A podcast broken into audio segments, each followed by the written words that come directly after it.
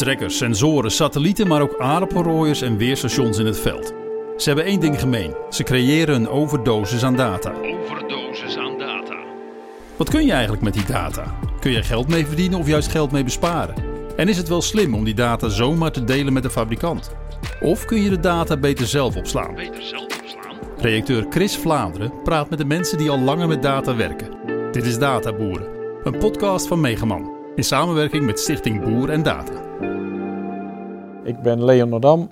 Ik ben uh, akkerbouwer in de Hoekse Waard. Uh, mede-vennoot in het samenwerksverband Novifarm. Dat is de, het bedrijf eigenlijk. En uh, ja, daarin ben ik specifiek verantwoordelijk voor ja, de technische kant van de teelt, noem ik het dan altijd maar. meer de precisielandbouw gedeeltes. Op jouw bedrijf wordt heel veel data verzameld. Ja. Op welke manieren? Op heel veel manieren. Uh, we rijden met een uh, gewassensor op de spuit. Dus er komt eigenlijk wekelijks groeidata binnen. Uh, daarnaast elk jaar ja, de gegevens die de trekker verzamelt met de GPS-kast. Dus de gegevens van de ploeg, van de zaaibewerkingen. de gegevens van wat er in de grond is gegaan op het gebied van aardappels. daarnaast satellietdata komt binnen of wordt binnengehaald. Um, ja, en als er uh, interessante partijen zijn die wat uh, data willen verzamelen of uh, willen aantonen, ja, dan zijn die ook van harte welkom. Waar wordt al die data opgeslagen? ik heb het nu gewoon in onze kantooromgeving ja, op daarvoor desbetreffende softwarepakketten staan. Dus het staat eigenlijk op allerlei plekken. Ja. Is dat wel handig? Nee. Nee, waarom niet? Uh, het werkt een beetje hetzelfde als dat je in je keuken uh, de borden in uh, vier of vijf kastjes hebt staan. En als je wil eten, dan heb je ineens, ja, moet je vier of vijf kastjes opentrekken om te kunnen eten. En het, ja, dat is dus het lastige ervan. Dat je wel eens, ja, om er wat mee te kunnen doen, moet het eigenlijk naar meer gecentraliseerde plek, zeg maar. Wat voor plek heb je dan in gedachten? Nou ja, uh, dat is nu in ontwikkeling. Maar goed, uh, uh, hoe die er fysiek uitziet, weet ik niet. Maar het moet makkelijk toegankelijk zijn. Mag dat bij een fabrikant zijn of bij een technologieleverancier? Of moet dat een onafhankelijke partij zijn? Het liefst onafhankelijk.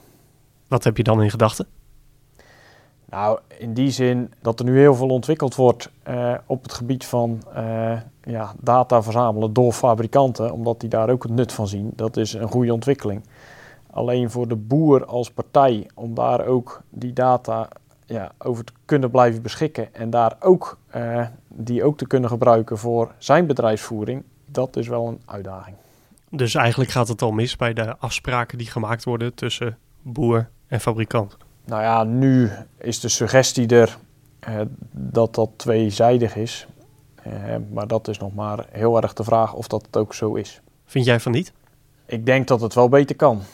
Als voorbeeld, uh, zij mogen wel onze perceelsgegevens hebben. Of die gegevens die wij loggen voor bijvoorbeeld die op een perceel gebeuren, mag een fabrikant wel gewoon hebben. Want die realiseren ze.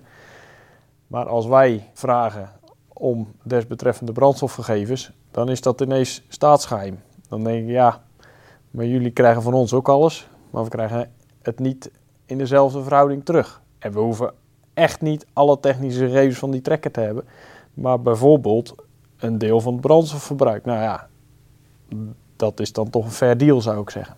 Zouden wij als boeren ons daar sterk uh, tegen moeten maken? Dat we daar meer over te zeggen krijgen? Ja, omdat nu lijkt het nog niet zo'n uh, belangrijk punt, omdat het nu nog heel gefragmenteerd is en um, iedereen is nog zoekende naar ja, wat ermee is.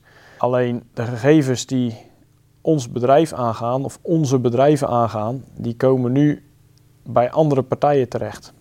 En ze zeggen nu allemaal dat ze er niks mee doen, maar binnen een aantal jaren komen er toepassingen die wel ineens commercieel interessant zijn of die data uh, nuttig kunnen gebruiken. En dan heeft zo'n fabrikant ineens een hele belangrijke plaats in dat hele geheel met jouw bedrijfsdata. en dat van anderen.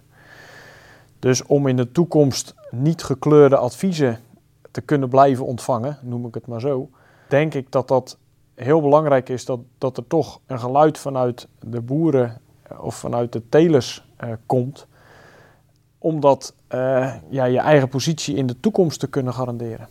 Doordat jij uh, het niet helemaal eens bent met de manier waarop het gaat momenteel, die, die samenwerking tussen fabrikant en boer, ben je daardoor ook huiverig van wat je wel en niet met hun wil delen? Nou, uh, juist die data-uitwisseling, dat is een heel groot goed. Want door samen te werken, maak je stappen, kom je verder. Alleen het moet niet zo zijn dat doordat wij nu uh, samenwerken en dat het te eenzijdig is en dat er uh, toepassingen ontwikkeld worden waar straks de boer of voor moet gaan betalen of zelfs nog een advies krijgt hoe hij zijn eigen perceel het beste kan gaan indelen. Terwijl dat dat eigenlijk andersom zou moeten zijn. Dus in principe momenteel deel jij alles wat er te delen valt?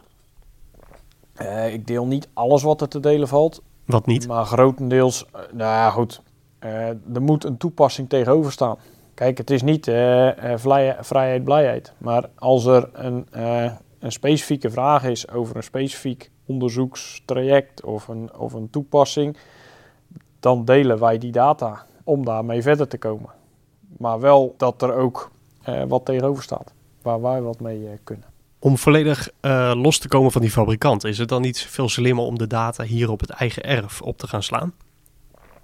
Nou ja, wat ik zeg, dat doen we nu voor ons eigen bedrijf. Alleen data van je eigen bedrijf is eigenlijk geen data, omdat dat, ja, tuurlijk kun je ja, nou, toevallig hebben wij dan 60 percelen, dan zou je 60 percelen met elkaar kunnen vergelijken. Maar dat is nog steeds de manier van werken, hoe je dat zelf doet. En waar haal je winst uit? Door je eigen te vergelijken met hoe anderen het doen. Dat, dat doe je nu door uh, een bedrijf te bezoeken, te kijken in de schuur wat daar staat. Hé, hey, waarom doet die man het met dat machine of waar? En dan kom je tot een gesprek en dan kom je verder. En eigenlijk de data die je combineert met elkaar, geeft ook weer aanleiding tot mogelijke veranderingen of verbeteringen. Dus ja, zorgen dat het op je eigen plek een plek heeft, uh, heel goed. Alleen uh, juist die interactie van die data met andere bedrijven maakt het krachtiger. Alleen dan kom, komen gelijk belangen om de hoek kijken. Ja, wij hebben als teler het belang erbij dat we uh, een goed product afleveren of een goed product uh, zoveel mogelijk in een bepaalde, ma nou ja, noem het maar, met goede specificaties. En een, een, een leverancier van bijvoorbeeld bestrijdingsmiddelen, ja, die heeft een heel ander belang. Want daar zit, om zijn hoofd boven water te houden, wil die middelen verkopen. Ja, die belangenverstrengeling die moeten we zoveel mogelijk voorkomen. Deel jij momenteel data met collega akkerbouwers? Als dat uh, uh, nuttig is, uh, doen we dat, ja. Wanneer is dat nuttig? als je bijvoorbeeld een probleem ergens tegenkomt. Het kan bijvoorbeeld zijn, ehm, nou nu zitten we in trajecten dat, we, dat je aan variabele aardappelspoten bent bijvoorbeeld. Nou, je hebt data van het poten, je hebt data van het rooien. Maar goed, dat zijn allemaal nog fragmentjes en die zit je aan elkaar te plakken om tot resultaten te komen. Als je dat met een aantal akkerbouwers doet, wordt je databank veel groter en je foutmarge daarmee kleiner. En samen ontwikkel je de kennis om die kaarten te interpreteren, om uh, te zorgen dat de conclusies juist getrokken worden. Of waar liggen de problemen om een goede conclusie te kunnen trekken? Hoe kunnen we, nou ja, dus op die manier delen we data. Om die conclusies te kunnen trekken, dat vergt best wel veel denkwerk, uh, vergelijken. Nou, het, het vergt gewoon veel tijd. Kan iedere akkerbouwer dat zomaar? Nou ja, de situatie waar ik nu in zit, uh, is dat we een samenwerksverband hebben. Uh, waar meerdere mensen in bezig zijn met iedereen zo zijn eigen specialisatie. Dus ik ben binnen ons bedrijf eigenlijk tussen aanhalingstekens vrijgemaakt om me in dat onderwerp te kunnen verdiepen. en dan werkt het ook. Dus het vergt wel enige kennis en ervaring. Nou ja, omgaan met data is ook een soort van bedrijfsvoering. Nu uh, is een teler die gaat naar het land toe, die loopt over de grond, uh, die kijkt de plant, die voelt de plant, uh, die maakt daarop een die kijkt naar de lucht, oh wat gaat er gebeuren, en die maakt daarop een beslissing. Eh, maar juist de volgende stap van eh preciezer telen is naar eh, bodemniveau te gaan. En dan is een perceel van 10 hectare is ineens geen perceel meer, want dan kan een perceel wel 1 vierkante meter zijn. En als je dan een oppervlakte hebt van bijvoorbeeld 100 hectare, heb je nu bijvoorbeeld 10 percelen van 10 hectare. Ja, 100 hectare keer een vierkante meter is ineens een miljoen. Of 10 miljoen, of nou, noem het maar op. Dus dat is niet meer verstandelijk te bevatten. Dus als je dan een beslissing wil maken en je loopt datzelfde perceel in, ja, dan moet je eigenlijk op iedere vierkante meter gaan kijken, gaan voelen. En daar gaat data ons, denk ik, bij helpen om nog steeds op één plek te kunnen voelen, eh, zien, ruiken, eh, je ervaring aanspreken om een beslissing te maken. Maar om die vertaalslag naar het hele perceel te maken, ja, dat zal dan toch de data, eh, noem een computer, noem een rekenregel, eh, zal je gaan helpen om dat hele bedrijf weer te runnen. Dus eh, het is in wezen ja, relatief simpel, alleen je moet er wel mee gaan leren werken. Naast dataspecialist hier bij Novifarm ben je ook voorzitter van Stichting Hoekse Waard op de kaart. Ja. Is de afkorting daarvan. Wat doet HWODK? Uh, HWODKA is eigenlijk een stichting die innovatie probeert aan te wakkeren. Dus waarom is precisielandbouw nog niet helemaal mainstream bij alle boeren? Omdat er heel veel vragen liggen. En een boer wil eigenlijk een hapklare brok hebben van als ik dit doe, dan gebeurt er dat. En daar proberen we ja, wat meer praktische antwoorden in te vinden. Welke rol speelt data, of ja, wordt er onderzoek gedaan naar data in dit? Uh, nou ja, binnen data stichting? is, een, is nu een, uh, het, het, ook een project die daaronder valt. Ja, nu is het nog relatief uh, onbekend en je hebt er eigenlijk nog heel erg veel last van. Maar goed, ontwikkelen van toepassingen en kijken naar ja, projecten zoals Stichting Boerendata, waar liggen de problemen, waar moeten we als boeren op letten? Ja, dat zijn ook van zulke projecten om het uit de schaduw te halen en bij een breder publiek uh, kenbaar te maken. Ja, want jullie hebben ook onderzoek gedaan naar de datastromen van de trekker en werktuig. Ja. Dat moet je even uitleggen. Nou ja, wij zijn vorig jaar een project gestart met als ultieme doelstelling om een onafhankelijke databank te maken. Dus door onafhankelijk van trekkenmerken en uh, alle andere uh, dataleveranciers uh, zelf je eigen data te kunnen onderscheppen van de trekker en te kunnen beheren. Nou, dat is op zich best goed gegaan, want we kregen best wel veel data beschikbaar en we zagen ook wat de problemen lagen. Alleen om het helemaal onafhankelijk van alle grote partijen te doen, ja, dat is een, een moeilijk, uh, moeilijk verhaal. Want dan ja, loop je toch gelijk tegen financiële vraagstukken aan die uh, boerenbedrijf, nou ja, goed, te boven gaan. Nou, stel de financiële middelen die zijn daar wel voor.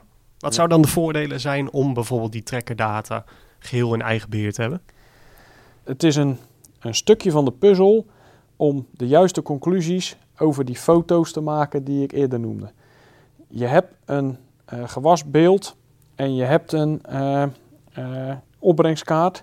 Alleen dat is het resultaat van wat je een heel teeltseizoen of misschien wel meerdere teeltseizoenen gedaan hebt. En om dat goed te kunnen verklaren heb je ook alle gegevens nodig om dat weer te kunnen verklaren. En zo'n onderdeel trekkerdata is daar eentje van. Wanneer heb je het gedaan? Waren de omstandigheden goed? wat heb je toen gedaan? Hadden we toen wielslip? hoe bewerkte de grond toen? Nou ja, dat soort uh, vraagstukken. Jij gaf wel aan, het is behoorlijk uh, complex allemaal. Ja. Is dat een van de grootste redenen om het toch maar wel aan de fabrikant over te laten? Uh, nou, we moeten niet met z'n allen het wiel opnieuw gaan uitvinden. Dat is één. En fabrikanten doen hele goede dingen. Dus dat is twee. En als een fabrikant een datastroom gebruikt om jou te waarschuwen uh, dat je trekker mogelijk kapot gaat zonder dat je het zelf weet. En daardoor voorkom je stilstand. Geweldig. Alleen die stroom is die kant op, dat is duidelijk. Uh, als daar naar de toekomst toe uh, trekkergegevens met machinegegevens gekoppeld worden. En die gegevens, wat er op dat perceel gebeurt, uh, gaan ook naar die fabrikant toe. En die hebben dat van 10.000, 100.000 trekkers ter wereld. En daar wordt analyse op toegepast. Ja, dan kunnen er wel eens hele andere conclusies uitkomen. En dat is ook nog niet eens zo erg, want dat zal ook wel gebeuren. Alleen als wij daar als telers zelf niet tegenover zetten dat wij dat onderzoek ook doen en dat wij ook zorgen dat we die gegevens hebben en analyseren, dan hebben we in ieder geval een geluid kunnen we uh, laten horen als er echt gegevens uitkomen vanuit de andere kant die gewoon niet kloppen. En als wij dat onderzoek niet doen en als wij uh, er niet voor zorgen dat wij onze eigen data geanalyseerd hebben om ook die antwoorden uh, te kunnen geven, ja, dan kunnen we ook nooit een gesprekspartner blijven in de toekomst om te kijken of die gegevens wel ja, valide, noem het dan maar, zijn, ja of nee. Er zijn voordelen, er zijn nadelen om dus die trekkerdata zelf eruit te trekken en te analyseren. Wat zijn nu de vervolgstappen daarop dan? Nou ja, om het helemaal zelf te doen, dat is een erg lastige. Dus dat er een soort van uh, goede samenwerking moet komen tussen fabrikanten en uh, boeren daarin. Ja, dat is een, een, wel een vereiste. En daar ligt ook een hele grote juridische stap om te nemen. Om in ieder geval het belang van de boeren niet uit het oog te verliezen.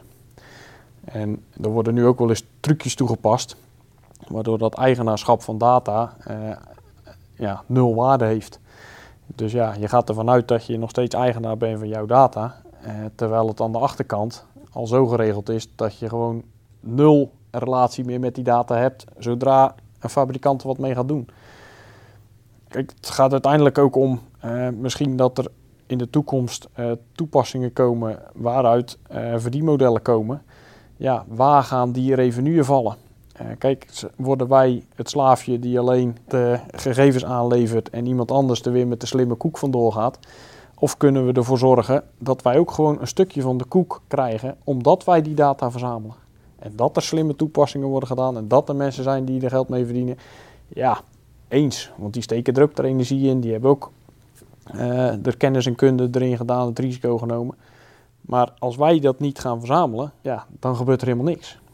En om die verhouding uh, te kunnen doen, moeten we in mijn optiek wel dat onderzoek blijven doen. Moeten we ook uh, ja, kritisch uh, tegenover fabrikanten kunnen blijven staan en ook vragen kunnen stellen. Hoe gaan jullie ervoor zorgen dat die samenwerking tussen boeren en fabrikanten komt? Nou ja, we hebben nu dit project opgestart om het uh, los van de fabrikanten te doen. En daarin hebben we ook uh, gesprekken met die fabrikanten. En uh, ja, door in ieder geval aan te geven, jongens, waarom mogen jullie wel al onze gegevens op jullie server hebben, maar dan vragen we om dezelfde gegevens terug, dan is het ineens een probleem. Als dat al geregeld is, dan heb je al een, een heel groot ding. Maar hoe reageren zij erop dan? Ja, vaak of onwetend, of uh, verschuilen zich achter uh, convenanten die er nu liggen, die waardeloos zijn, over datagebruik en over eigenaarschap daarvan. En dat is ook een, een stukje kennis wat we nu met z'n allen aan het ontwikkelen zijn. Verwacht je dat het snel gaat veranderen? Ja, althans, er komen nieuwe verhoudingen dat, maar hoe dat, dat eruit gaat zien. Uh, kijk, uh, het, het, misschien is dat gewoon alleen een, uh, een contract waarbij dat geregeld is. Nou ja, eens. Jullie hebben nu dit project uitgevoerd. Jullie hebben conclusies daaruit kunnen trekken. Wat worden jouw collega-boeren daar beter van? Wat levert hun dat op? nu nog niet zoveel. Alleen wat het echt oplevert is de bewustwording in welke wereld we nu zijn en waar we waarschijnlijk in terecht gaan komen. En ja, om je bedrijfsvoering daarop te kunnen aanpassen, ja, heb je toch een bepaald kennisniveau nodig. En die kennis die proberen we nu te ontwikkelen met z'n allen. Naast Wodka ben jij ook aangesloten bij uh, Stichting Boer en Data. Waarom? Nou, omdat dit, we merkten tijdens het project dat dit zo'n specifiek onderwerp is. Uh, wat eigenlijk nog zo ver uh, van een ja, boerenteeltbedrijf eh, aflicht, dat het heel moeilijk is om je daarin te kunnen verplaatsen. En je komt op hele andere, eh, met hele andere mensen in aanraking die op een hele andere taal spreken dan de taal die we gewend waren. En daarom wordt het ook heel ingewikkeld. Het is nog een beetje ver van ons bedshow. En eh, nou ja, juist ook voor eh, belangenbehartiging heb je wel dat 110% kennisniveau nodig. En ja, er zijn maar weinig mensen nu in ons belangenbehartigingswereldje die die kennis ook hebben en die dat ook op die manier kunnen vertellen en ook bij de juiste mensen kunnen vertellen. Uh, dus vandaar een stichting om ook weer aan te wakkeren dat die belangenbehartiging gewoon wel er komt op de plek die het nodig heeft. En nu is daar in onze optiek, of in mijn optiek, is daar een, een, een, extra aanjager voor nodig in de zin van uh, Stichting Boerendata. Helder. Mag ja? je bedanken voor de uitleg. Graag gedaan. Je luisterde naar Databoeren, een podcast van Megaman in samenwerking met Stichting Boeren Data. Wil je meer weten? Kijk op megaman.nl. En wil je nog meer podcasts horen? Luister dan naar de podcast In Productie, waarin we de productie van een diesel-elektrische trekker volgen. Je vindt de serie in jouw favoriete podcast-app.